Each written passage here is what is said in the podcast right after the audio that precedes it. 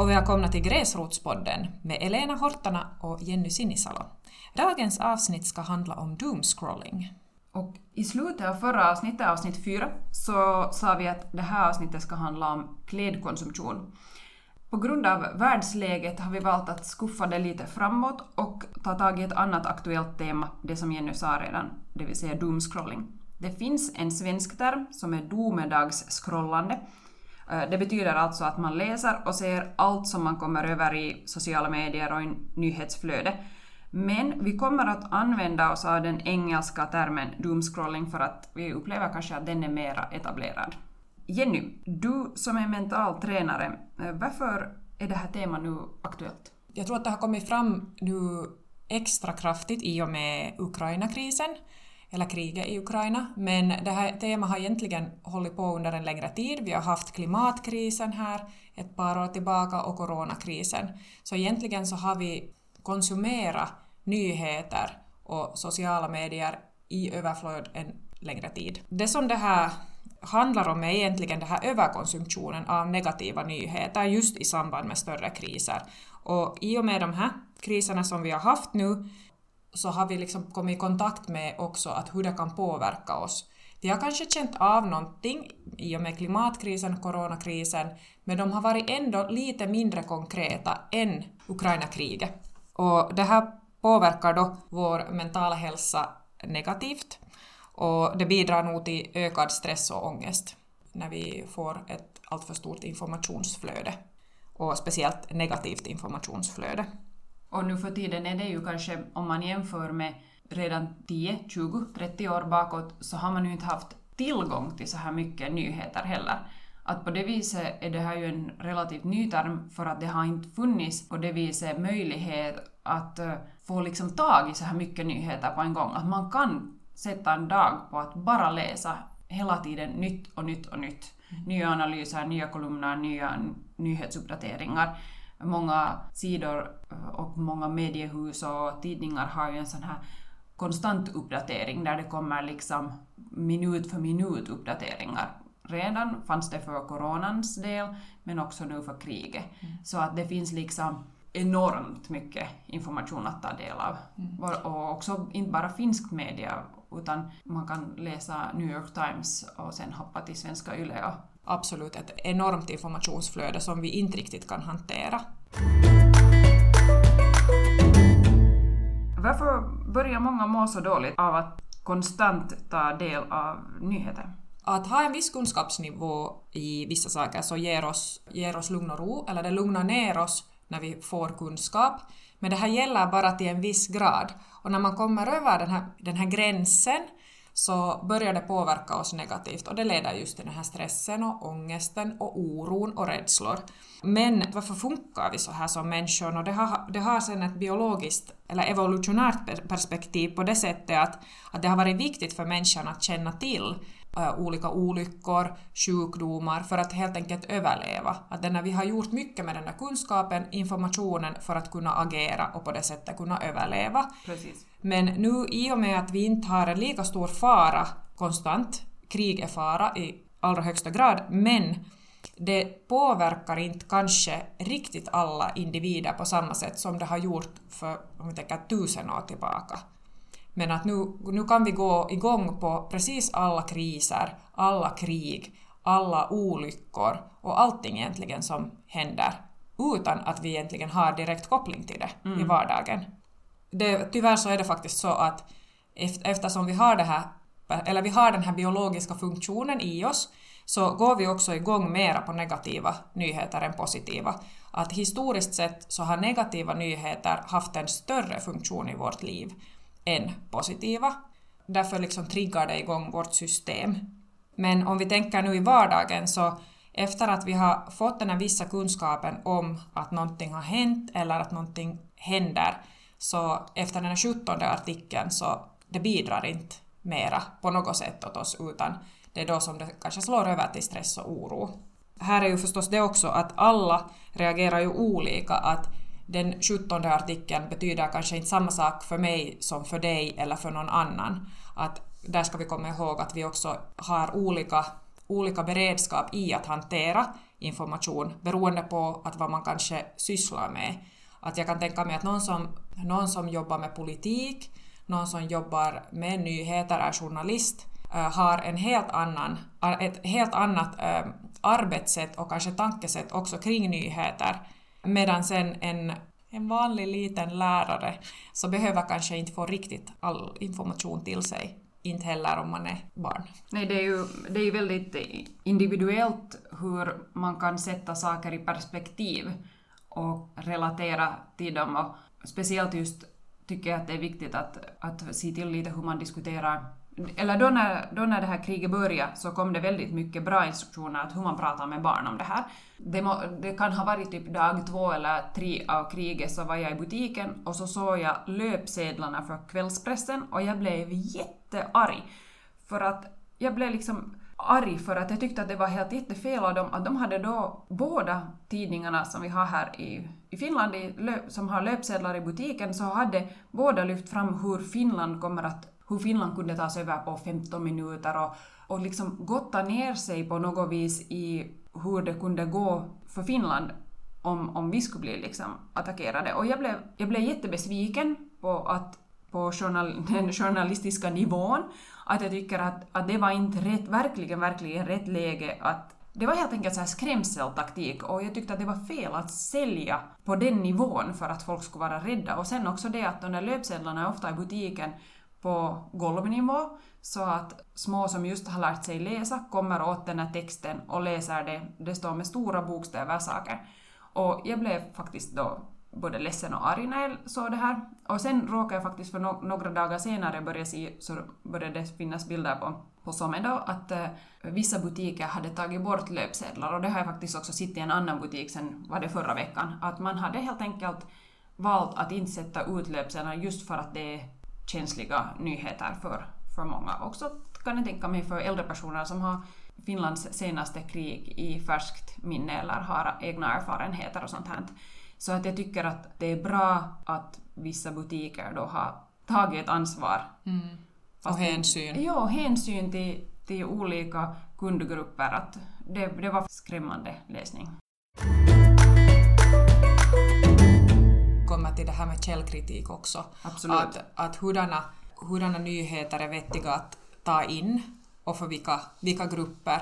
Att eh, det finns ändå grupper som vi behöver skydda för det här, från det här massiva informationsflödet. Vi är vuxna, vi kan agera, vi kan göra saker, vi kan tänka till.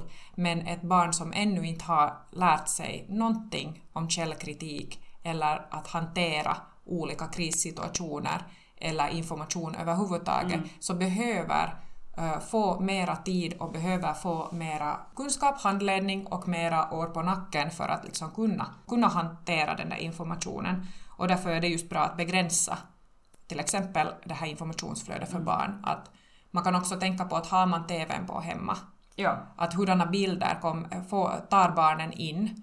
För att det finns forskning på det här att då när Eh, vi hade den här terrorattacken i USA, så varje gång som ett barn såg ett flygplan krascha in i tornet så trodde barnet att det händer på nytt. Precis. Så för barn, barn kan uppleva det så att det är inte bara ett krig utan det är flera. Mm. Och sen också att hur säger man att, att pratar man om att ja, det är krig bakom knuten så kan på riktigt ett barn uppfatta det som att vi har krig bakom knuten och inte i Ukraina. Att man har inte den där liksom, världssynen på samma nivå som en vuxen. Nej. Vi har också TVn alltid stängd när det kommer nyheter. Eh, den är på bara om det kommer sånt program som barnen har tänkt se och den stängs direkt efter. Samma också med radionyheterna. Jag lyssnar gärna på dem men inte om, om barnen är med. Ja, alltså jag lyssnar på lokala nyheter ibland på morgonen om jag sitter i bilen den tiden ensam. Men annars så jag tittar inte på nyheter i bild för jag vet att jag påverkas jättestarkt av det. Samma, samma för mig, jag har begränsat mitt nyhetsflöde. Jag läser faktiskt inte nyheter för jag klarar inte av bilderna. Så jag ser inte på TV på nyheterna just nu. Jag läser inte heller texter för att jag är ganska sådär känslig. Jag tar åt mig bilder jättestarkt.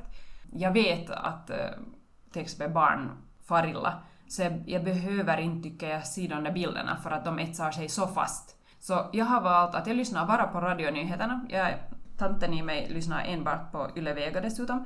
Så jag lyssnar på deras nyheter och deras nyhetspodd och nyhetsanalyser och sånt för att då vet jag att det är bra källor, det är insatta personer som pratar och de är sammanfattade och summerade.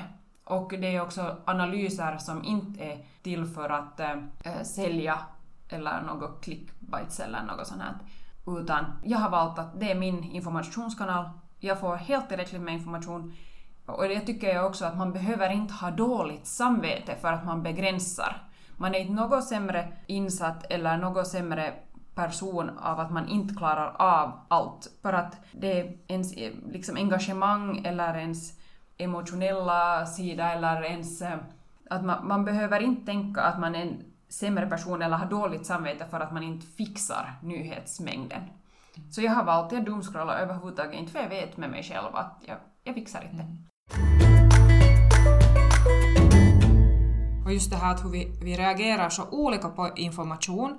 Det är egentligen samma sak som just en stressreaktion, att du går i flight, fight eller freeze mode. Att för en del, så, en del kan reagera just att man, man börjar göra en massa flyktplaner, man, man liksom vill fly, man, får, man börjar rensa hemma och fundera ut att hur får jag saker och ting att fungera om det händer någonting. Medan sen eh, andra så blir liksom lite kanske, eller blir upprörda, blir arga, man blir liksom slåss och man blir liksom störd och man, man liksom vill dra i alla trådar för att få, få någonting att hända, eh, är, liksom kan bli riktigt upprörd. Medan sen kan man också bli totalt handlingsförlamad. Då blir man i ett freeze mode. Man klarar inte av att göra någonting mera. Det blir väldigt, väldigt tungt och det tar väldigt mycket energi med de här kraftiga reaktionerna. Eh, man behöver få reagera, men på längre sikt så tänker jag, och det här är min personliga åsikt, att man kanske behöver behålla sin, eller bevara sin handlingskraft. Det kan hända att man inte kan hjälpa till nu, men att man kanske kan hjälpa till i framtiden. Och då är det bra att man tar hand om sig själv, man tar hand om de, de som man har nära för att kunna agera på då när det behövs ageras. Och då kommer vi ju lite in på det här att uh, vad kan man göra om man mår dåligt av alla, alla nyheter och det här enorma nyhetsflödet. Eh, det är ju också många vars eh, resiliens är prövad och ansträngd redan från tidigare jag tänker först har vi diskuterat jättemycket klimatkrisen, sen kom en pandemi som har tärt jättemycket på folk rent konkret också, dels för att man kanske har varit sjuk men också för att alla bortblivna sociala kontakter och ringarna på vattnet av, av den här pandemin. Och när man kanske, många kanske upplevde det här, han upplever redan att man lite kunde slappna av och dra efter andan och så blev det den här världsläget med, med krig som vi inte ser ännu ett slut på. Många är ganska slut från förut redan. Hur, vad ska man göra om man, man känner att man fixar inte det här? Jag tycker att man ska absolut inte ha dåligt samvete i alla fall för att det viktigaste är att man tar hand om sig själv så att man kan hjälpa andra. Och det finns så många som lägger in sin insats just nu men det kommer att behövas under en längre tid insatser. Så om man känner att man inte har varken pengar eller krafter att göra någonting nu, om man skulle vilja, hemskt gärna, hjälpa till på något sätt, så hjälp dig själv först så att du kan hjälpa andra sen. Och för det kommer att behövas hjälp. Det, som du sa redan, så det här är en kris som vi inte ser ett slut på och det kan komma nya kriser efter det här. Så vi kommer att behöva all, alla krafter och all energi och det kommer alltid att behövas hjälp. Så det ska man absolut inte ha dåligt samvete för om man nu inte har kapaciteten, utan det kommer att komma nya möjligheter längre fram också. Att vi behöver, vi behöver vara många som hjälper till under en längre tid. Vårt människovärde mäts inte i vem som har haft råd att eh, donera pengar eller saker, och det tycker jag faktiskt att det har inte ens varit en sån diskussion. Jag tycker att det har varit en hemskt human och snäll atmosfär kring det här att, att hjälpa till och haft en fin vi-anda och många har gjort väldigt många konkreta åtgärder och man har liksom stött andra som har försökt hjälpa till. Och på det viset att man kan ta fasta på det kanske då att hej, att det finns en jättefin mänsklig sida. Det florerar ju väldigt många positiva nyheter också i sociala medier om hur man har hjälpt till och hur man har kunnat snabbt få ihop hjälpförsändelser eller Röda Korset har fått massor med pengar på rekordtid och sånt här. Att man kan ju kanske också fokusera på att ta till sig de här positiva nyheterna eller kanske just att man har lyckats rädda människor eller något sånt här. Att, att, Eller djur. eller djur eller vad som helst. Att man kan, och sen kan man också läsa, det händer ju också annat i världen, man kan läsa andra nyheter då, man kan fokusera på, på annat, på lokala nyheter, på, tar bara del av så mycket som man själv Klarar av. klarar av. Att man kan läsa kanske bara ibland en, liksom en sammanfattning. Mm. Och just det där eh, kanske konkreta, att just kanske tidsbegränsa det där intaget till en eh, rimlig nivå för en själv. För det viktigaste är ändå att ta in nyheter i den mängd som du klarar själv av. Att, att just att om man börjar må sämre av, av att doomscrolla, då behöver man göra någonting åt det. Och det kan man göra någonting åt. Det, det är ju det positiva i det, att det kan man faktiskt begränsa. Att det finns olika ö, funktioner att alla har på sin telefon. Du kan kolla din skärmtid, du kan begränsa vissa appar, du kan sätta påminnelser åt dig själv för åtminstone jag så ö, det har inte egentligen någon skillnad på vilken Eh, social media jag, jag tillbringar tid så har jag inget hum om hur länge jag har varit där. För att jag faller pladask för alla funktioner, att jag, jag blir fast direkt. Och, och då behöver jag, åtminstone personligen, lite påminnelser att nu har du varit här 15 minuter, att nu är det dags att ta en paus. Eller sen är det ju mitt eget fel om jag fortsätter, men åtminstone jag behöver påminnelser, konkreta påminnelser som signalerar att nu vara medveten om det, att nu har du satt så här mycket tid av din dag på den här medien, kanske det är dags för en paus. Och sen kan man ju också fundera att vilken tid på dygnet man tar del av nyheter. Läser man eh, om brinnande, brinnande regnskogar, krigshändelser eller coronastatistik det sista man gör innan man går och lägger sig, eller att man tittar på TV-nyheterna och sen stänger man och går och lägger sig. Att det kanske är sånt som påverkar nattsömnen. Är det, eller så kan man tänka, är det någonting som påverkar en? Att vilken tid på dygnet är det vettigast för en att ta del av den här informationen? Att, att tänka också på det att, att är det det sista du gör innan du går och lägger dig så kanske det påverkar och blir att snurra i tankarna på ett annat sätt. Mm. Och de flesta är ju i allmänhet tröttare på kvällen än på morgonen och därför har man en försämrad kapacitet att hantera den där informationen i ett trött läge. Och många är ju trötta också på morgonen så det, kan, det är inte nödvändigtvis den bästa tidpunkten för nyheter heller. Och att starta dagen med dåliga nyheter är kanske inte någon, många kanske påverkas också av det, att vad man, vad man gör och vad man hör när man stiger upp. Ja, jag kan inte ta in nyheter varken på kvällen eller på morgonen. Om jag tar in så är det först sen när jag kör till jobbet eller alternativt någon gång mitt på dagen. Nå, på jobbet hinner jag ju inte göra någonting annat, men efter jobbet kan vara en sån där tidpunkt som jag kanske lite tar in. Också att rensa, rensa i flödet. Behöver du läsa allt? Eh, behöver du läsa alls? Precis. Tack Jenny för alla de här fina kommentarerna och allt vad vi kan till och fundera på. En sista fråga. Får man ha roligt? Absolut. Man ska ha roligt. Vi får inte bort det här kriget eh, genom att eh, sitta och oroa oss, Eh, vara rädda. Det för, kommer inte att försvinna. Men vi mår bättre av att göra saker som vi själva mår bra av. Så det är ytterst, ytterst viktigt att vi fortsätter att leva, att vi fortsätter att, att göra saker som vi mår bra av. För det, det bidrar till vårt välmående, det bidrar till vår handlingskraft, eh, det bidrar till vår omgivning. Vi behöver hålla oss starka i sådana här lägen för att kunna agera nu eller för att kunna agera senare. Så vi vinner alltid på att må bra. Så vi ska absolut göra saker som vi mår bra av, vi ska absolut ha roligt. Våren framskrider utanför fönstret oberoende av vad som händer i världen. Uh, njuta av de där blommorna som snart kommer och tranorna som, som kommer och alla andra flyttfåglar, att, att uh, ta vara på dem. Eh, Vi behöver också positivitet i våra flöden på som- sociala medier. Så är det bara. Någonting som gör oss på gott humör. Precis. Tack för att du lyssnade.